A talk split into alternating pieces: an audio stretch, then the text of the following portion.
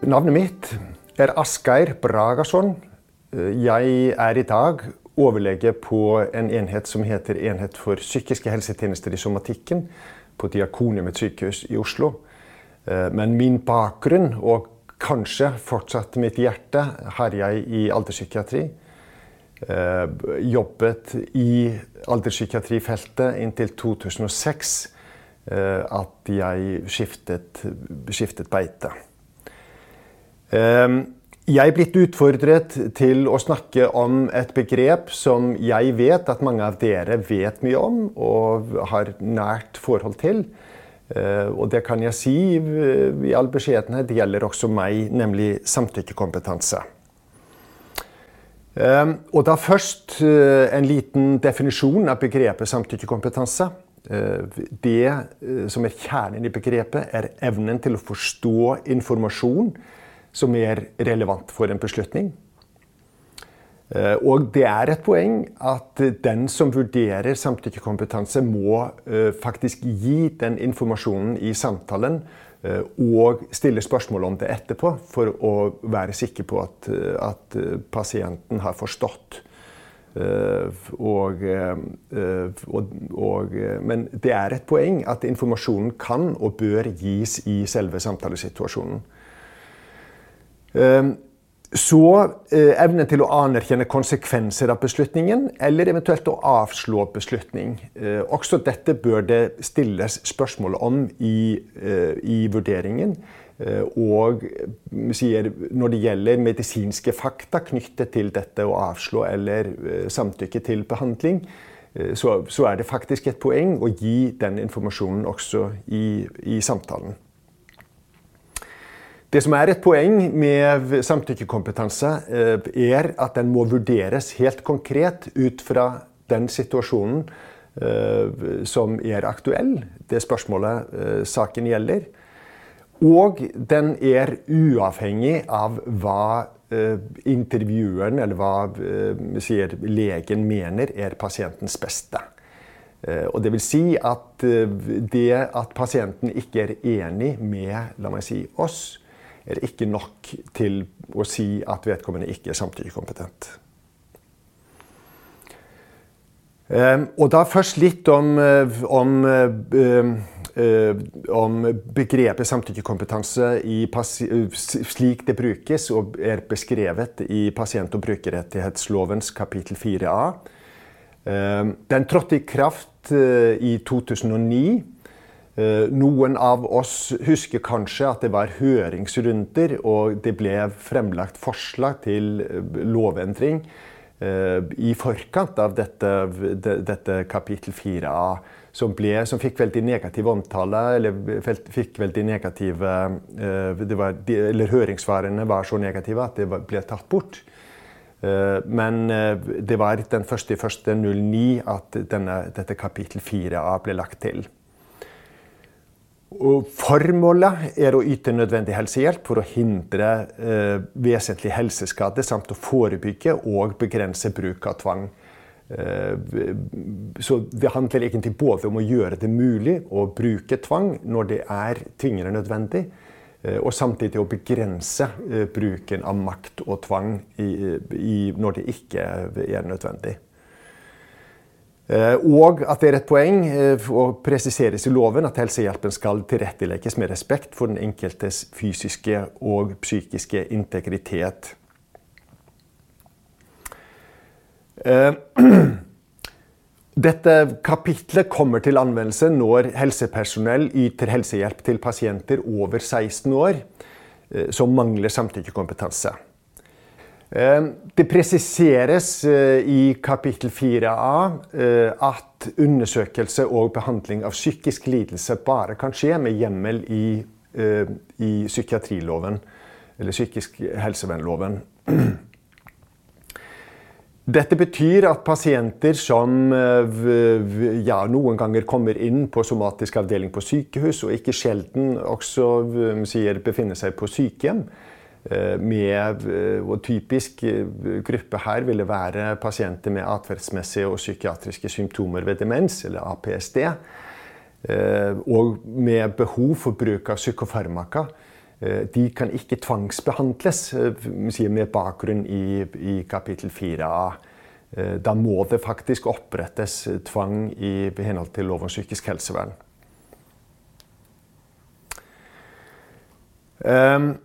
Det er et poeng å presisere, sier lovverket i kapittel 4a at før man kan yte helsehjelp som pasienten motsetter seg, så må man ha forsøkt eh, til, såkalte tillitsskapende tiltak. Det kan handle om mange ting. Eh, og kanskje den viktigste ressursen her er å bruke tid, og ikke på en måte ha for mye hastverk. Eh, og det vil si å bygge tillit. Bruke tid til å bygge tillit det å hente inn personer som, som, eh, denne personen eller den personen som er aktuell, eh, stoler på, kan også være et alternativ. Eh, omgivelser kan også være et poeng. At, at, det som skal skje, skjer i mest mulig kjente omgivelser. Men hvis nå pasienten opprettholder sin motstand, eller, eller om helsepersonellet vet med stor sannsynlighet at pasienten vil opprettholde motstanden, så eh, eh, så kan det, og, kan det fattes vedtak om tvang. Men det presiseres også i denne loven at det må foregå en såkalt helhetsvurdering. Og denne helhetsvurderingen må da innebære at denne tvangen, eller dette tvangstiltaket er den klart beste løsningen for pasienten. Og det vil si at man må veie opp Eh, belastningen knyttet til, til, gjennomføring av tvang mot gevinsten av den helsehjelpen som skal gis. Eh, og hvis det er åpenbart, hvis eh, f.eks. gevinsten handler om hårvask eller handler om å gjennomføre stell, enn si dusjing eller bading, så skal det veldig mye til på en måte før man kan bruke stor makt for å gjennomføre tiltak med så marginal helsemessig gevinst. Um, og det skal også vektlegges i denne helhetsvurderingen om man antar at pasienten vil kunne gjenvinne sin samtykkekompetanse. Kanskje særlig aktuelt ved delirium. Uh, ja. Dersom vilkårene i paragraf 4a uh, uh, nummer 3 er oppfylt, kan helsehjelp gjennomføres med tvang Eh, eller eh, andre tiltak for å omgå motstand eh, hos pasienten. Og dette med andre tiltak kan da f.eks. bety å blande medisiner i syltetøy, for å bruke ja, et kjent eksempel. Pasienter kan også legges inn i helseinstitusjoner med tvang. De kan også holdes tilbake dersom det er nødvendig for å få gjennomført helsehjelpen. Eh, varslings- og lokaliseringssystemer er også lov å henge på pasienter eh, med bakgrunn i denne loven. Eh, og, men det er et poeng at når lovens vilkår ikke lenger er til stede, dvs. Si når pasienten har gjenvunnet sin samtykkekompetanse, så skal tiltaket opphøre. Um, også litt viktig poeng her at eh, vedtak eh, om helsehjelp i henhold til kapittel 4a eh, skal fattes av det helsepersonellet som har ansvar for den tjenesten eller den, den, den helsehjelpen som skal gjennomføres.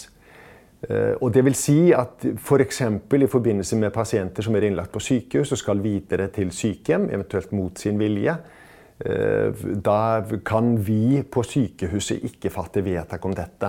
Men vi kan varsle personalet på, på sykehjem eh, om at etter vår mening så denne, oppfyller denne pasienten lovens eh, sier, krav i henhold til kapittel 4a, og at situasjonen ligger til rette for at det kan fattes et vedtak. Det er allikevel det, helsepersonellet som har ansvaret for tjenesten, Eh, som må fatte vedtak. Eh, ja. Det er et poeng eh, at at hvis nå denne helsehjelpen innebærer et såkalt alvorlig inngrep, så, så, skal det tilkalles sier, råd fra annet kvalifisert helsepersonell. Inne på sykehuset vårt så har vi sagt at dette annet kvalifisert helsepersonell kan f.eks. være den tjenesten jeg er en del av. Ehm, eh, og, når det gjelder vurderingen av hva som er et alvorlig inngrep, eh, så er det et poeng eh, at bruk av reseptbelagte legemidler og alle, alt som krenker på en måte kroppens eller går gjennom kroppens overflate Det gjelder også blodprøvetaking hvis en pasient må holdes, f.eks. Og at det må, må det fattes vedtak om. Og, og, oppfattes som et alvorlig inngrep. Eh, og dersom pasienten motsetter seg at helsehjelpen blir gjennomført, eh, og dette med på en måte tilbakeholdelse i institusjon, eh, er også grunnlag til, eller blir oppfattet i loven som et alvorlig inngrep. Ja. Pasienten og pasientens nærmeste skal underrettes, og det er noe med her om klagemuligheter. Og klageinstans er da eh, Fylkesmannen, eller Fylkesmannens helseavdeling. Eh, og, og både pasienten og pårørende kan, kan, klage. Eh, og hvis nå det er et alvorlig inngrep, så skal, skal selve vedtaket også sendes til, til Fylkesmannen.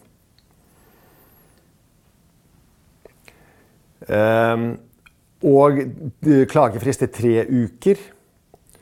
Eh, og, og, Fylkesmannen kan også overprøve vedtak etter kapittel 4a, eh, sier på eget initiativ. Og da til, eh, til psykisk helsevernloven og, og, og innføringen av samtykkekompetanse som et eget begrep her. Eh, det er en historie som strekker seg tilbake til et stortingsvedtak som ble fattet i slutten av januar 2017. Eh, eh, lov om endringer i psykisk helsevernloven. Og det trådte i kraft i den 1. september 2017. Og det innebærer at pasienten som er, eller oppfattes som, samtykkekompetente, kan nekte tvangsbehandling kan nekte tvangsinnleggelse og kan også nekte si nei til, til uh, tvangsbehandling med medikamenter. Det gjelder både paragraf 3-2 og paragraf 3-3. Jeg skal si litt mer om det. Um, og det er satt inn nye, et nytt punkt 3 eh, i vilkårene for eh, 3.2, altså for vedtak om tvungen observasjon. Pasienten mangler samtykkekompetanse. Dette vilkåret gjelder ikke hvis det er en nærliggende og alvorlig fare for eget liv eller andres liv og helse. Og Ordlyden i eh, det nye punktet i paragraf 3-3 er temmelig likt, eller helt likt.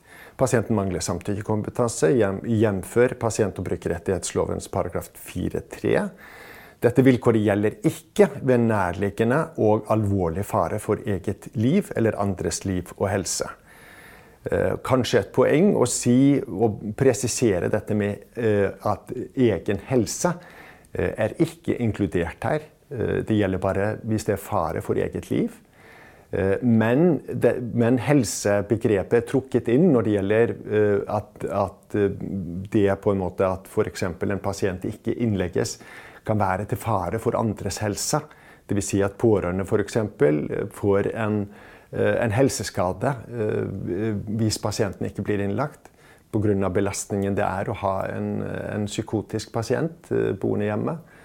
Er faktisk trukket inn og gjør det, og, og hvis det er til stede, dette vilkåret, Eh, Dvs. Si at, eh, at pasienten eh, oppfattes å være til fare for, for, andres liv eller helse, eller for eget liv.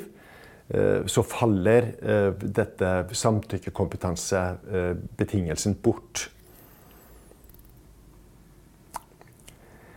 Og paragraf 4-4, som er da det som handler om tvangsbehandling, er, der er ordlyden sier eksakt lik akkurat den samme som i paragraf 3-2 og 3-3.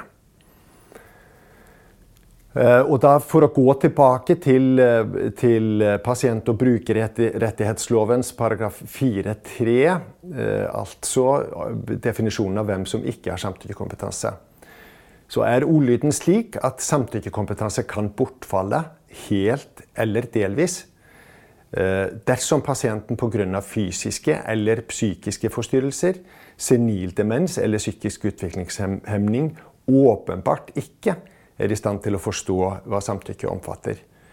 Eh, og det er flere ting her i ordlyden som er verdt å, å, fremheve, særlig dette 'åpenbart ikke', som betyr på en måte at det må være innlysende uh, ut fra omstendighetene eller ut fra uh, vurderingen av pasienten at vedkommende ikke har samtykkekompetanse. Og Det er også et poeng at den kan bortfalle helt eller delvis. Dvs. Si at pasienter kan opprettholde eller ha samtykkekompetanse på noen områder, eller i forhold til noen deler av sin egen helse. F.eks. Eh, pasient med nyresvikt og alvorlig psykisk lidelse. Eh, som har innsikt i at han eller hun trenger å gå til, til dialyse, eh, som et eksempel. Da har jeg lyst til å gå til uh, praktisk gjennomføring. Altså selve vurderingssamtalen når det gjelder uh, samtykkekompetanse. Hva jeg mener om den, og hvordan ja, uh, jeg mener at den skal gjennomføres. Så er det et viktig poeng at man må i denne samtalen gå ut ifra det aktuelle spørsmålet. Og det vil si at hvis nå dette spørsmålet gjelder eh, innleggelse i psykiatri, f.eks. hvis det er eh, i forbindelse med paragrafvurdering og, og, og tvangsinnleggelse, eh, så må det være fokus av denne vurderingen av samtykkekompetanse. Om vedkommende har forståelse av å ha en psykisk lidelse og trenger behandling, og at en innleggelse kan være til nytte. Og eventuelt diskutere alternativer når det gjelder det. Eh, og på samme måte, hvis eh, det aktuelle spørsmålet gjelder enten pleietiltak, eh, det å skulle flytte til sykehjem f.eks., eventuelt å, å, underkaste seg medisinsk behandling, eventuelt kirurgisk behandling, så eh, det må være fokus på det aktuelle problemet eh, for å vurdere samtidig kompetanse. Orientering er ikke viktig i denne sammenhengen. Eh, og, og, egentlig gjelder akkurat det samme for testasjonshabilitet, hvor poenget er på en måte at vedkommende må vite hvor mye eller hvor stor formuen er på den ene siden å ha oversikt over eh, potensielle arvinger. Både hvem som velges, og hvem som eventuelt velges bort. Og Samtykkekompetanse kan ikke, eller kan ikke, defineres, eller at man kan ikke på en måte bruke MMS eller noen andre eh, sier, eh, strukturerte kognitive tester for, å, for å, å løse dette, eller for å sette en samtykkekompetansegrense. Det er avgjørende viktig å skaffe informasjon eh, om pasienten og om denne situasjonen i forkant eh, av, av denne vurderingssamtalen. Hvilket spørsmål skal det tas stilling til, er avgjørende. Og det er også faktisk av betydning å kjenne noe til denne pasientens bakgrunn og, og hans eller hennes tilstand. Eh, og det gjelder også eh, faktisk å skaffe seg informasjon om vedkommendes personlighet eh, og psykiske forhold. Det er et vesentlig poeng ved dette at selve samtalesituasjonen bør optimaliseres. Og jeg, med det mener jeg at, at begge parter bør sitte.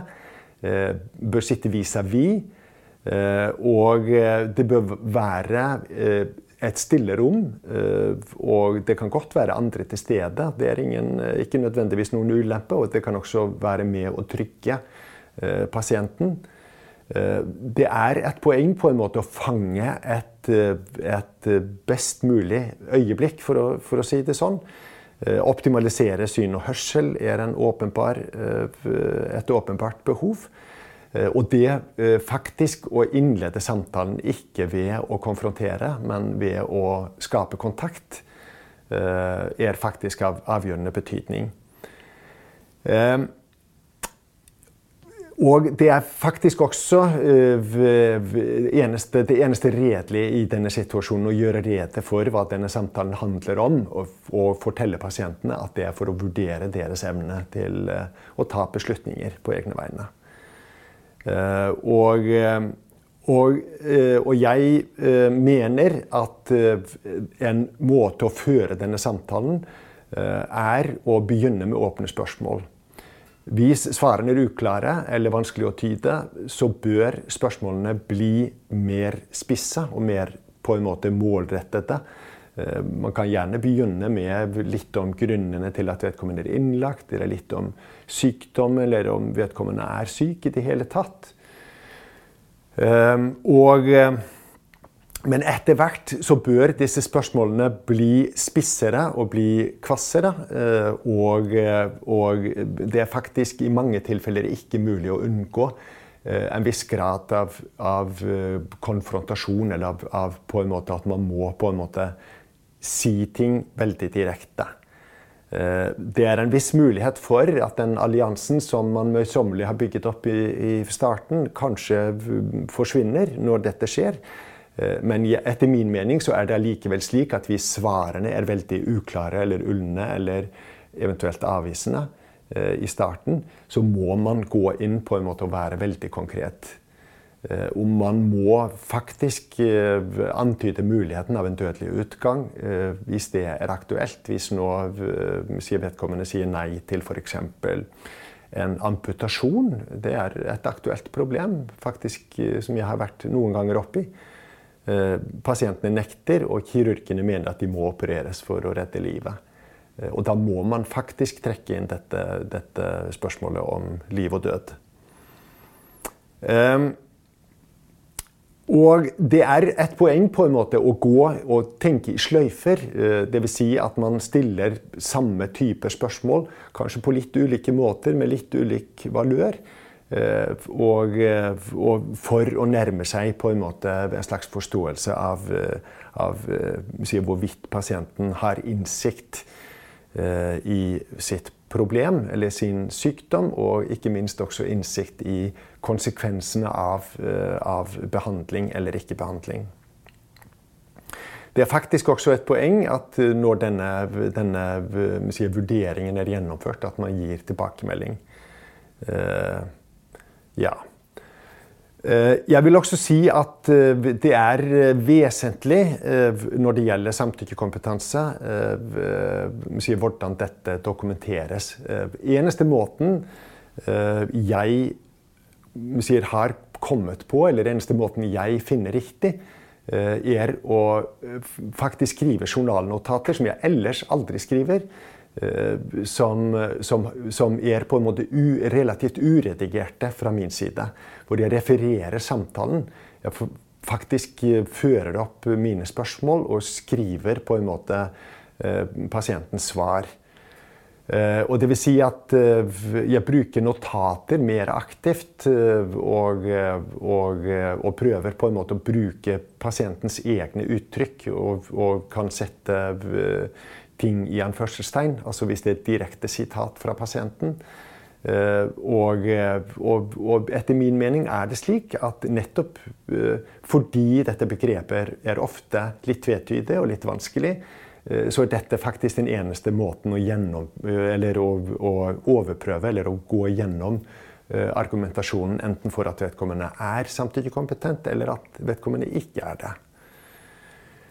Eh, og eh, jeg vil også si at beskrivelse av psykopatologiske fenomener og kognitiv status er på en måte bakgrunnsmusikk. Det er ikke uvesentlig i sammenhengen, eh, men det er ikke mulig å trekke slutning om samtykkekompetent eller ikke samtykkekompetent ut fra det. Og, og konklusjonen er det er også et poeng at den må begrenses til dette spørsmålet som jeg nevnte helt i starten. Hva handler dette om, eller hvilken behandling er det som er aktuell? Man kan ikke frata en, eh, en pasient samtykkekompetanse på alle plan eller i forhold til alle, alle, tenkelige avgjørelser. Men man må på en måte være spesifikk. Og, og, og det må også komme frem i den konklusjonen som, bør, som, hører til i dette, dette journalnotatet.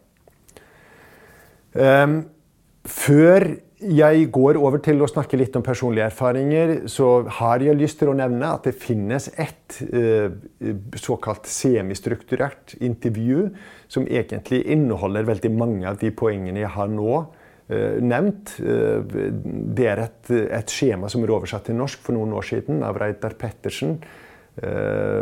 Blant andre på Senter for medisinsk etikk på Universitetet i Oslo. Eh, skjemaet heter ACE. Eh, og, eh, og, er på en måte tiltenkt som en hjelp ved vurdering av samtykkekompetanse. Det inneholder mange gode elementer, men det er litt langt, litt omstendelig. Og, og, jeg vil si at i min verden så, så er det faktisk bedre å og at jeg på en måte følger min egen indre struktur enn, en for meg å følge dette skjemaet. Jeg har, har, forsøkt noen ganger. Det er min personlige erfaring når det gjelder akkurat det. Men absolutt uh, lurt å gå gjennom uh, for å se hvilke spørsmål som, listes opp. Uh, og absolutt et interessant skjema. Når det gjelder om vi sier, eh, dette med personlige erfaringer med vurdering av samtykkekompetanse, så, det, så har jeg noen sånne type personlige øh, sier, vurderinger her. Jeg mener at vurdering av samtykkekompetanse er ferskvare i veldig mange tilfeller. Vil kunne forandres over tid av mange grunner. Eh, og, eh, og, eh, og, er på en måte gyldig bare når det gjelder aktuell problemstilling, og så lenge på en måte denne tilstanden som pasienten er i, varer. Ofte er det slik at det er vanskelig å trekke en entydig konklusjon ut fra denne samtalen om, om sykdom og behandlingsalternativer. Eh, og eh, det er også et vanskelig forhold her til et begrep som vi egentlig er vant med, eh, nemlig begrepet innsikt, eller sykdomsinnsikt. Det står i forhold, altså dvs. Si at samtykkekompetanse står i forhold til sykdomsinnsikt, men jeg vil si at det ikke kan settes likhetstegn mellom de to. Og jeg har også lyst til å si at i virkeligheten eh, så har det ofte vært eh, en slags eh, opplevelse jeg har hatt. At denne helhetsvurderingen, som egentlig skal være en del av samtykkekompetansevurdering, at det kan i noen tilfeller være lurt å la den rett og slett komme først. Treffe en beslutning om det er riktig å handle her eller om det er riktig å la være. Eh, og så bruke det man har av faglighet og, og, argumenter, og bruke samtalen faktisk for å finne argumenter for eh, at man velger å handle eh, på den måten. Og dette er litt rart å si, kanskje, at man skal på en måte ta denne helhetsvurderingen først som et utgangspunkt. Men jeg vil nå forsvare det allikevel. Ehm, og når det gjelder problemområder eh, og samtykkekompetanse, så er det et problem når, ikke, når, man ikke klarer å skape en god kontakt og skape på en måte et samarbeidsforhold i utgangspunktet. Eh, og hvis pasientene motarbeider aktivt i samtalen, er det nesten å si umulig å vurdere samtykkekompetanse på en, en fornuftig måte. Raske fluktuasjoner som ved delirium er også eh, et veldig aktuelt problemområde. Eh, og med de ordene tror jeg faktisk jeg avslutter dette. Sier takk for meg.